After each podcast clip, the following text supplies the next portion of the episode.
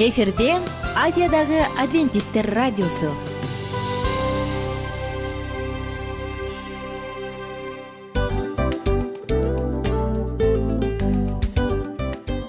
Достор салют. Баардык сүйүктүү угармандарыбызга салам айтабыз. Кутман күнүңүздөр менен.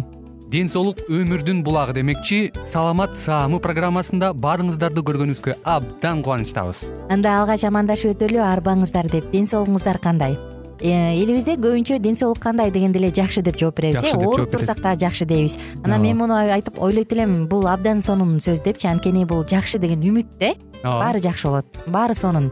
Деп үмүттөнүп атып эле өзүбүздү өзүбүз дарылап коебуз.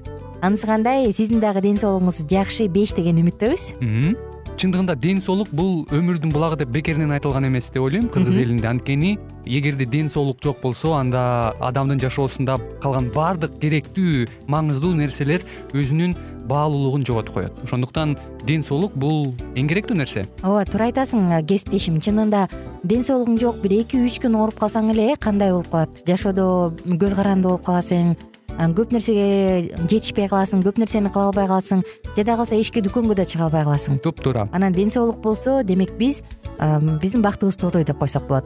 Анда достор саламат саамы рубрикабызды баштайлы. Алдыда өзүңүзгө керектүү болгон сонун кеңештерди уга аласыздар. Мына ошондуктан биз менен бирге болуңуздар. Ал эми биз болсо милан жана айнура. Кеттик алга. Алга саламат саама ден соолуктун жарчысы. Саламат саама ден соолуктун ачкычы. Күн сайын сиз үчүн мыкты кеңештер сонун жаңылыктар кызыктуу фактылар биздин рубрикада.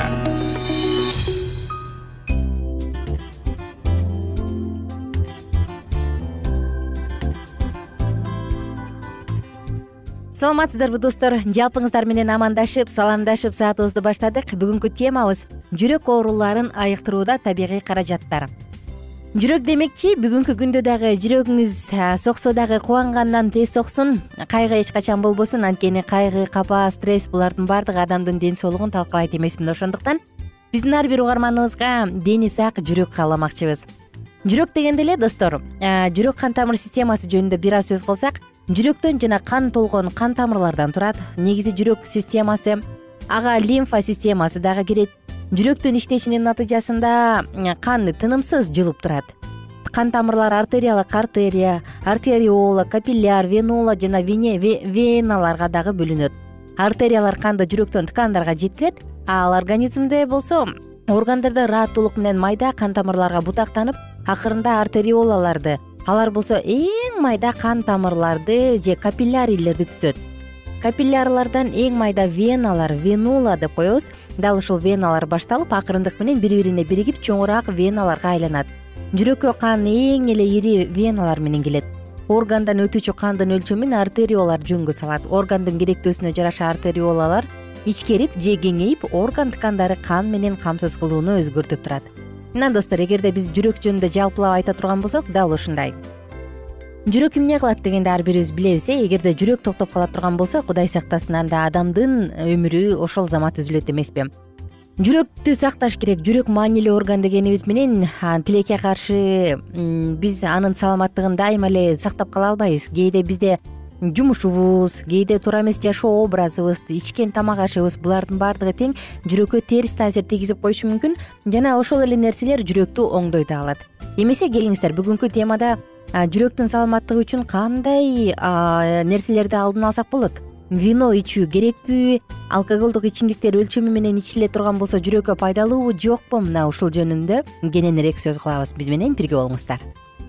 Алгач эле достор эмне үчүн жүрөк ооруйт? Мына ушуну билип албайлыбы кандай дейсиздер? Көрсө жүрөк оорулары вирус жана бактериалдык оорулардан дагы пайда болот экен. Бул перикардит эндокардит же миокардит мына булардын баардыгы жүрөк оорулардан алып келет акырындык менен кан тамырларда көйгөй башталат дагы анан жүрөк ооруй баштайт. Ошондой эле достор бул жака дагы кан тамыр оорулары дагы жүрөк оорусуна алып келет. Атеросклероз стеноз тромбоз инсульт инфаркт жүрөк оорулары мына булардын баардыгы тең биздин моторубуздун оорушуна алып келет. Жана үчүнчү бир себеп бул ашыкча салмактуулук адамдын салмагы көп болсо демек жүрөк ооруга чалдыгуу коркунучу ошончолук зор. Андан ары улантсак эгерде жүрөк оорулар пайда боло турган болсо аны кантип билиш керек? Деги эле жогорку кан тамыр боло турган болсо эмне болот? Албетте жогорку кан тамыр жана кан тамырлардын ичинде пайда болгон көйгөй булардын баардыгы жүрөк оорубуздун бузулушуна жүрөктүн иштешинин жана кандын айланышынын бузулушуна алып келет эмне дагы жүрөктү оорутушу мүмкүн? Жогорку биз санап өткөн үч нерседен тышкары. Бул адамдын кыймылсыз жашоосу аз кыймылдуулугу дайыма отуруп иштөө жата берүү андан тышкары зыяндуу адаттар бул алкоголизм чылым чегүү мына булардын баардыгы тең кан тамырлардын спазмага чалдыгышына же болбосо спазма басышына алып келет дагы анан акырындык менен ооруну пайда кылат ошондой эле көп туз колдонуу туздун ченеми менен болсо бул жакшы эгер көп болуп кете турган болсо көйгөй жаралат. Малдын майларын көп колдонуу тамак ашта бул ич май тоң май деп келебиз э? Жана ошондой эле таттуулар эгерде сиз таттууну жакшы көрсөңүз эске алыңыз. Акырындык менен жүрөк оорусуна алып келип жүрбөсүн. Эми достор жүрөктүн ооруп жатканын чын эле кантип билиш керек? Көбүнчө ии жүрөгүм ооруп атат ай жүрөгүм сайгылашып атат дейт эмеспизби? Келиңиздер жүрөк оорунун белгилерин айталы биринчи эле жүрөк ооруй баштаганда адам сөзсүз түрдө ооруну сезет э? Бул төш жагында ооруну сезет.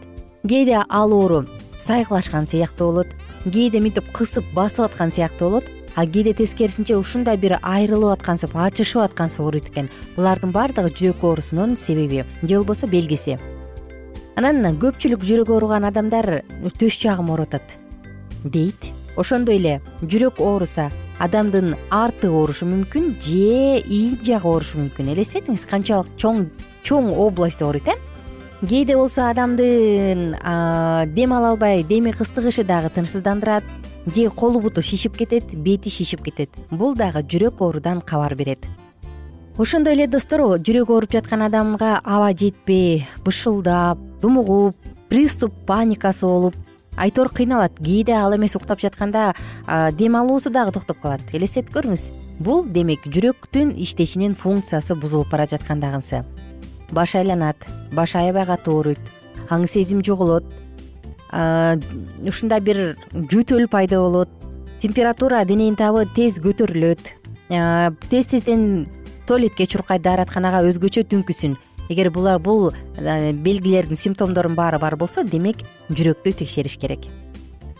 Ошондой эле жүрөк оорусу булчуңдун алсыздыгы менен дагы коштолот. Тагыраак айтканда адам бат чарчайт өзүн алсыз сезет аппетити жоголот табити эч нерсеге тартпай баштайт уйкусу бузулат дайыма чарчаңкы жүрөт элестетип көрүңүз достор. Эгерде ушунун баардыгы бар боло турган болсо биз көбүнчө көңүл бурбайбыз э? Ии чарчап калыптырмын уйкум канбай калыптыр. Бир аз жата турайын. Ии кечээ мындай кылдым эле чарчап калыптырмын. Дейбиз дагы көп нерсени көңүл бурбай коебуз. Эгерде ушул эле айтылган сапаттардын бири бар болсо симптомдордун анда сөзсүз түрдө доктурга барыңыз. А биз болсо алдыда сөзсүз түрдө достор кандай кылып кандай ыкмаларды колдонуу менен жүрөк оорусунун алдын алса болот мына ушул жөнүндө сөз кылабыз. Бирок ал уктурууну угуп ошол нерсени аткараардан мурун сөзсүз түрдө өзүңүздүн доктуруңуз менен бир сыйра кеңешип андан консультация алыңыз. Баарынан биринчи эле негизги жакшы доктур бул туура жашоо образы жана позитивдүү маанай эмеспи мына ошондуктан дал ушул эки нерсени сактаңыз дагы биз менен бирге болуңуздар. Кийинки уктуруубузда мен убадалагандай эле жүрөк ооруларын айыктырууда табигый каражаттарды айтып берем. Кандай каражаттар кандай кылса болот эмне кылып өзүбүзгө жардам берсек болот мына ушул жөнүндө бирок ага чейин сизге кааларыбыз. Көңүлдүү күн кайрадан амандашканча деп коштошом. Бар болуңуздар аман болуңуздар. Жалпыңыздар менен үн алышканча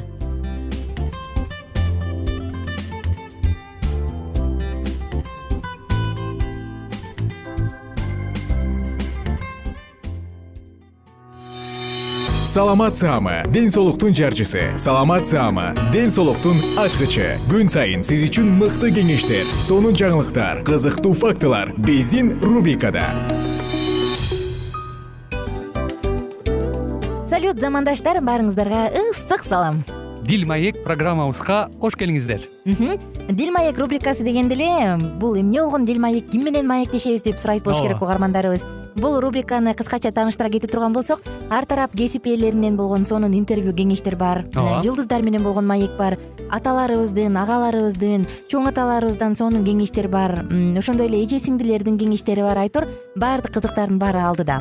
Негизи эле адам баласы бир кимдир бирөөнө ишенип сырын ачкысы келет эмеспи э мындай баарлашууга жакын келебиз го? Албетте негизи бир жерге отуруп алып кенен шашпай баягы жүрөктөн жүрөккө ачып сырларыбызды ар кандай көйгөйлөрүбүз менен бөлүшүп баягы чын жүрөктөн маек курганды кимибиз сүйбөйбүз э? Ооба десең ал нерсеге суусап да келебиз да. Ооба кээ бирде адамга чындыгында баягы э, ысык маек баягы жылуу маек жетишпейт да. Ошондуктан биз ушул рубриканы ойлоп тапканыбызда эң биринчи эле достор сиздер менен чын жүрөктөн бир маңыздуу темаларды козгоп кеткени кааладык. Ошондуктан ушундай сонун бир рубриканы тартуулап жатабыз. Анын үстүнө радио дагы сонун дос да анткени э, мындай учурда досуңа айтсаң досуң досуна айтат досу досуна айтат да анан бүт өлкө билип калышы мүмкүн го. А радио болсо сени сатпаган сенин айыбыңды ачпаган сенин сырыңды эч кимге айтпаган сонун дос мына ошондуктан биздин алдыдагы айта турган кеңештерибизди биздин досторубуздун кеңештерин угуп анан ал жака пикириңизди дагы калтырып кайрадан биз менен байланышсаңыздар болот. Деги эле жашооңузга эгерде кичине болсо дагы өзгөрүү алып моралдык жактан нравовик жактан сонун бир кеңештерди алсаңыз демек биз максатыбызга жеттик. Ооба. Чыңгыз атабыз улуу жазуучу э, чыңгыз айтматов айткандай адам болуу бул күнүмдүк процесс экен. Күн сайын адам бойдон калуу бул адамзатка эң эле кыйын дейт э? э эң кыйын дейт. Чындыгында бунун негизинде адамдын эң баягы сапаттуулугу адамдын э, адамгерчилиги жана көптөгөн керектүү нерселер. Мына ошол темалар дагы бизде э, ушул дил маекте биз аларды да козгойбуз. Э, ден соолук жөнүндө да сүйлөшөбүз сөзсүз түрдө. Анан милан мырза негизи айтып коюшат го. Биз көбүнчө эмнени ойлонсок ошол нерсеге карата иш кылабыз го. Ооба. Анан анысы кандай? Балким бул радио баракчада кимдир бирөөнүн оюн текшергенге жардам берет кимдир бирөөнүн жүрөгүн текшергенге жардам берет. Балким кимдир бирөөгө жашоонун маңызын тапканга жардам берер. Айтор кызыктын баары алдыда бул жөн гана кыскача жарнама анда угармандарыбыздын баардыгын кийинки рубрикабызга чакырабыз. Ал эми кызматта маңдайымда отурган кесиптешим милан жана мен айнура. Анда эмесе биз даярдаган терең терең ойлор менен таанышууга кеттик. Алыс алыс баралык. Анда эмесе достор биз менен бирге болуңуздар. Алдыда эң кызыктуу маалыматтардын баардыгы бир нече мүнөттөр бою жалгыз гана сизге арналат мына ошондуктан жакшы маанай менен угууну каалайбыз. Үн алышканча. Жөнөдүк ар түрдүү ардактуу кесип ээлеринен алтын сөздөр жүрөк ачышкан сыр чачышкан сонун маек дил маек рубрикасында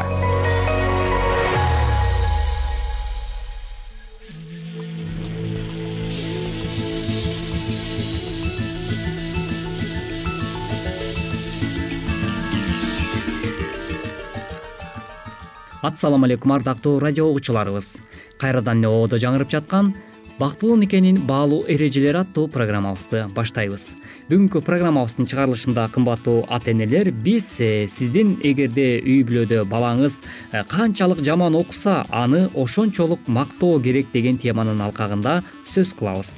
Бүгүнкү уктуруубуз сиздер үчүн кызыктуу болот деген үмүттөбүз. Андыктан биздин ободон алыстабай дал ушул мүнөттөрдө биз менен биргеликте болуңуз. Кайрадан эле микрофондо кызматыңыздарда мен улан кубанычбеков менин кесиптешим саламатсыңарбы жана мен асель мамбетова эгерде бүгүнкү учурда сиздин балаңыз канчалык жаман окуп жатса аны ошончолук мактаганга аракет кылыңыз. Бала чагы советтер союзуна туш келгендердин көбү. Азаматсың коркпо колуңан баары келет. Эң сонун жазаптырсың деген мактоо сөздөрдү өтө эле аз укса керек. Анткени балага мактоо жарашпайт дароо дардаңдап кетет деген түшүнүк бар болчу ооба сөзсүз түрдө ардактуу ата энелер сиздер деле өзүңүздөр маамдап жатсаңыздар керек. Чындап эле баягы мурунку өткөл курак деп коебузбу. Ошол биздин ата энелерибиздин убагында же болбосо биздин деле убактарда бизди мындай үй бүлөдө өтө деле көп мактоо сөздөрдү э, мындай айта беришчү эмес да ата энелерибиз э, ошол учурда чындап эле эгерде баланы мактай бере турган болсоң анда бул аш өпкө болуп кетет. Башкача айтканда баланы биз э, чалчаңдатып ийебиз деген дагы бир түшүнүк бар болчу ал эми азыркы учурда кандай? Азыркы учурда тескерисинче балдарды көбүрөөк мактагыла деген э, кеңештерди дагы айрым бир психологдор берип келет эмеспи. Бирок бул нерсени дагы менин оюмча баягы өтө эле балдарга мындай чаржайт эле эркиндик бере берүүнүн дагы терс жактары болушу мүмкүн. Андыктан э, баланы эркелетүүнүн дагы өзүнүн ыкмалары жана чеги бар эмеспи. Сен кандай дейсиң кесиптеш? Туура. Бирок баланы мактоо өтө эле маанилүү мээрим төгүп. Айтылган сөздөр эч кимге зыяны тийген эмес. Эң башкысы балансты сактоо керек. Албетте жогоруда биз айтып өткөндөй эле баланы ашыкча мактай бербестен тескерисинче мактоо да керек ошол эле учурда бирок жогоруда кесиптешим айтып өткөндөй эле. Албетте биз балабызды мактап жатканда балансты кармай билүү дагы абдан маанилүү болуп саналат экен демек бул нерселерди дагы сөзсүз түрдө күнүмдүк турмушта туура калыпка салып колдоно билгенибиз өтө маанилүү экендигин баса белгилеп кеткибиз келет. Балдарды ата энеси гана эмес мугалими да мактап турушу керек. Мектептеги тапшырмаларды аткара албай бирок мындай сурасаң же сүйлөшсөң баардыгын сопсонун билген жана түшүнгөн окуучуларды көп эле жолуктурса болот. Туурабы сөзсүз түрдө чындап эле сиз э, балаңызды көбүрөөк мактай турган болсоңуз дагы мунун дагы жакшы жактары бар экенин дагы баса белгилеп кетпесек болбос. Себеп дегенде балаңыздын ички жан дүйнөсүн ачууда шыктандырып ага дем күч берип э, тура турган болсоңуз анда анын ички сезиминде катылып жаткан таланттарды ойготконго дагы сиз чоң жардам берген болот экенсиз. Мисалы мен дагы ушундай окуучу болчумун. Баарын билчүмүн бирок эч качан колумду көтөрүп айтчу эмесмин да ооба чындап эле жогоруда кесиптешим айтып өткөндөй эле балдардын э, психологиялык жактан дагы э, ар кандай типтерге бөлүнгөн дагы э, инсандар болот эмеспи мисалы кээ бирөө активист болсо кээ бирөө болсо мындай пассивныйраак болот да ушундай эки типтеги дагы адамдардын мүнөздөрү болот эмеспи андыктан кээ бир балдар өтө эле шок болгондуктан колун көтөрө калып билсе дагы билбесе дагы ошо мугалими берип жаткан сабакта мисалы колун көтөрө калып сурап эле анан баа ала алган да учурлар болот эмеспи ал эми ошол эле жаатта баягы пассивный э, маанайда өтө мындай э, жулунбаган балдар тилекке каршы эки алып калган да учурлар болот. Андыктан кесиптеш сенде дагы ушул мүнөз болгон окшойт. Балким мен баарын билсем дагы эч качан башкаларга окшоп кол көтөрүп мен билем мен айтам дечү эмес экенмин да азыр.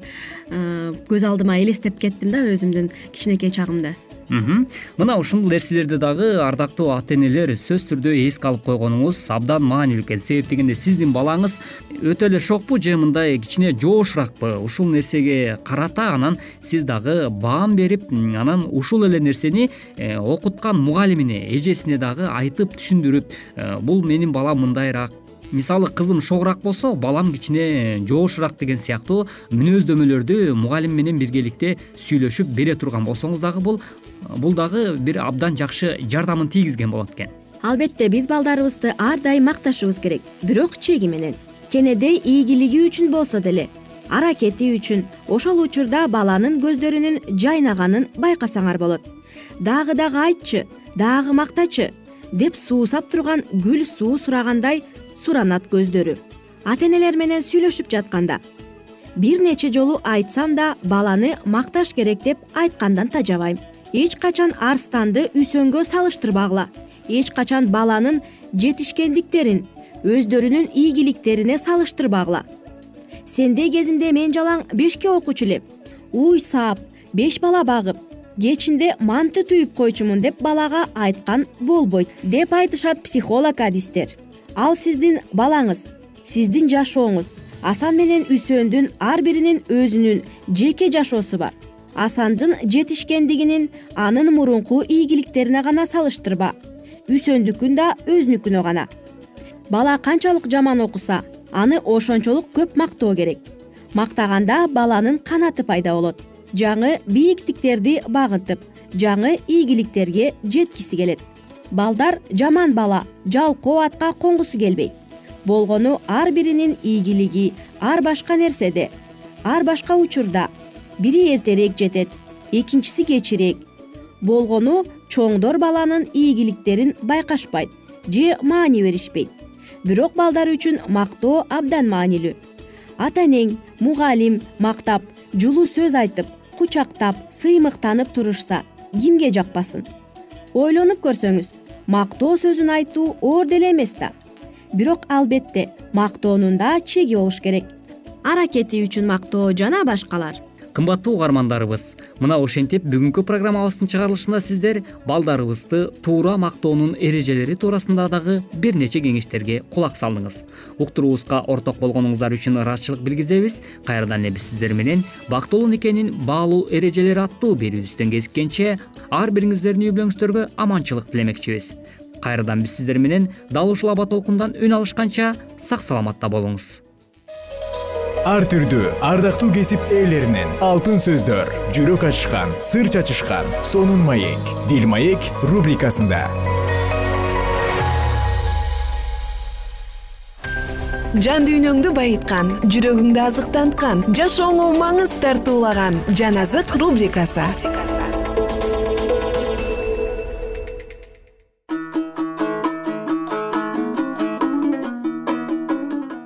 амансызбы бурадарым? Амансыздарбы угармандар жана сүйүктүү достор. Жалпыңыздар менен дал ушул жыштыктан үн алышканыма абдан кубанычтамын. Бүгүнкү күн дагы сиз үчүн эң сонун күндөрдөн болсун. Тыңдап жатканыңыз жан азык рубрикасы жана сиздер менен бирге забур китебин окууну андан ары улантабыз. Биз менен бирге болуңуздар. Жүз он сегизинчи забур.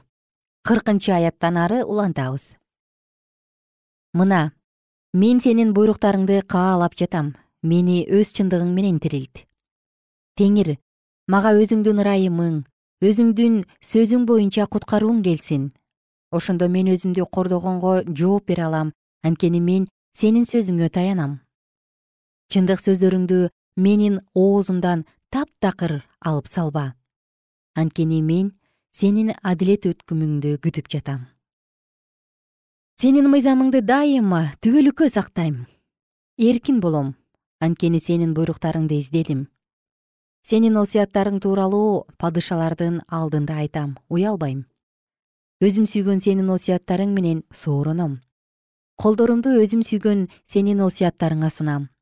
Сенин мыйзамдарың жөнүндө ой жүгүртөм.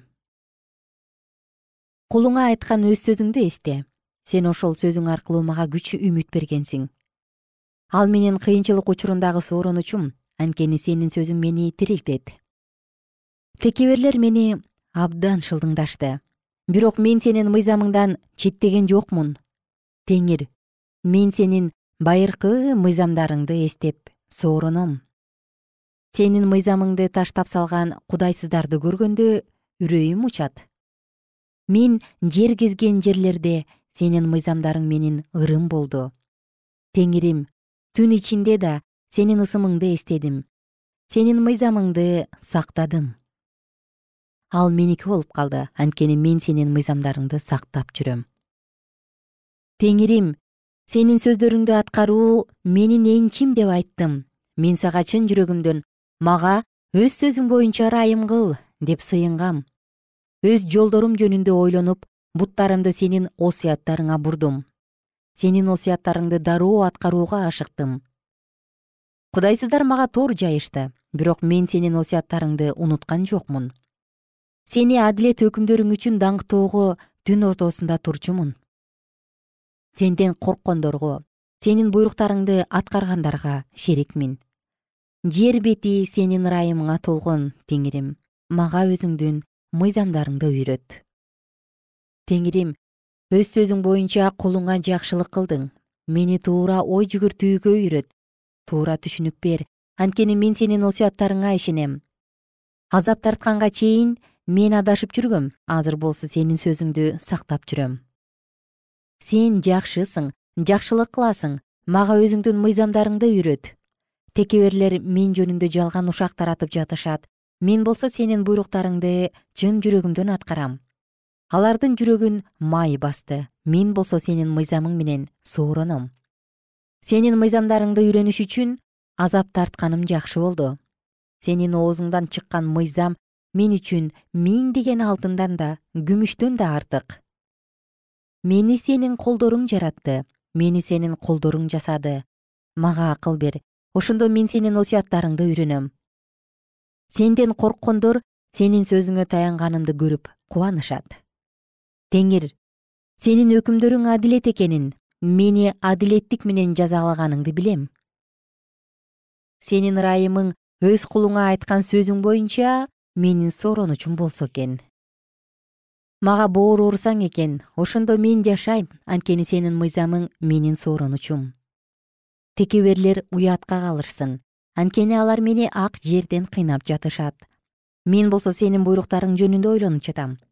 Сенден корккондор сенин осуяттарыңды билгендер мага кайрылышсын. Уятка калбашым үчүн жүрөгүм сенин мыйзамдарың боюнча таза болсун сенин куткарууңду күтө берип жаным алсырап баратат. Бирок сенин сөзүңө таянам. Сенин сөзүңдү күтө берип көзүм таалыды мени качан сооротосуң дейм? Мен ышталган чаначтай болуп калдым. Бирок сенин мыйзамдарыңды унуткан жокмун. Кулуң дагы канча күн күтсүн? Мени куугунтуктагандарды качан жазалайсың? Сенин мыйзамыңа каршы текеберлер мага оор казышты. Сенин осуяттарыңдын баары чындык мени ак жерден куугунтуктап жатышат мага жардам бер. Алар мени жер үстүнөн жок кылып кое жаздашты бирок мен сенин буйруктарыңды унуткан жокмун. Мени өзүңдүн ырайымың менен тирилт ошондо мен сенин оозуңдан чыккан буйруктарды аткарам. Теңирим сенин сөзүң асманда түбөлүккө орногон. Сен түбөлүккө ишенимдүүсүң жерди сен орноттуң ал ошон үчүн турат баардыгы ушул убакка чейин сенин мыйзамдарың боюнча турат. Анткени баары сага кызмат кылат. Сенин мыйзамың мага сооронуч болбогондо мен кайгыдан өлүп калмакмын. Сенин буйруктарыңды түбөлүккө унутпайм. Анткени сен мени ошолор аркылуу тирилттиң мен сеникимин мени куткар анткени мен сенин буйруктарыңды издедим. Кудайсыздар мени өлтүрүш үчүн аңдып жүрүшөт мен болсо сенин осуяттарыңа көңүл коем мен ар кандай жеткилеңдиктин чегин көрдүм бирок сенин осуяттарыңдын чеги жок. Мен сенин мыйзамыңды кандай гана жакшы көрөм күнү бою ошол жөнүндө ойлоном. Өз осуятың менен сен мени душмандарымдан акылдуу кылдың анткени ал дайыма мени менен. Устаттарымдын баарынан акылдуу болуп калдым анткени мен сенин осуяттарың жөнүндө ойлоном карыяларга караганда көптү билип калдым. Анткени мен сенин буйруктарыңды аткарып жүрөм. Сенин сөзүңдү сакташ үчүн буттарымды ар кандай жаман жолдордон сактайм. Сенин мыйзамдарыңдан четтебейм анткени мени үйрөтүп жатасың. Сенин сөздөрүң менин таңдайымда кандай таттуу. Алар менин оозума балдан да таттуу. Мен сенин буйруктарың аркылуу акылыма келгем. Ошондуктан ар кандай жалган жолду жек көрөм.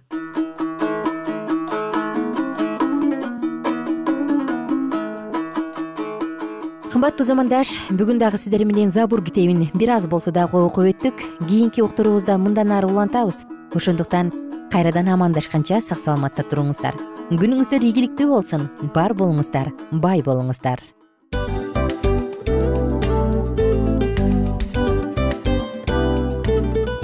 достор биздин радио баракчаларыбыз соңуна келди. Демек бул программабызды дагы жыйынтыктачу учур келдик. Учурга келдик. Анан кесиптешимен сурагым келип турат. Негизи эле иштин башталып атканы кубандырабы сени же жыйынтыгы кубандырабы албетте жыйынтыгы. Себеп дегенде сен кылган ишиңдин жыйынтыгын көрүп э, баягы мөмөсүн көрүп дегендей жыргайсың жүрөгүң жемишинен татып э? Кандай даамдуу деп. Баягы буудай сепкенде эмес буудай эгинди жыйнагандан кийин ысык нанды жегенде кадимкидей ырахаттанасың го ой айтпа туура айта кеттиңиз. Сонун салыштыруу болду анан мен дагы абдан кубанып турам анткени биз угармандарыбыз үчүн аябай эмгектенип келген уктуруубуздун соңуна келип калдык. Анан эми э, уктуруубуздун соңунда угармандар кандай пайда алып калды экен деп күтүп турам да. Балким э, менин жашоомо өзгөрүү киргизе турган сонун сөздөр болду. Мен ушул нерсени изилдеп анан кабыл албасам ушул нерсени кылбасам деген чечим чыгарсаңыз анда биз абдан кубанычтабыз сөзсүз түрдө андыктан кийинки биздин кызыктуу уктурууларыбыздан көрүшкөнчө сак саламатта калыңыздар. Чыдамсыздык менен сиздерди мен милан жана кесиптешим айнура күтөбүз.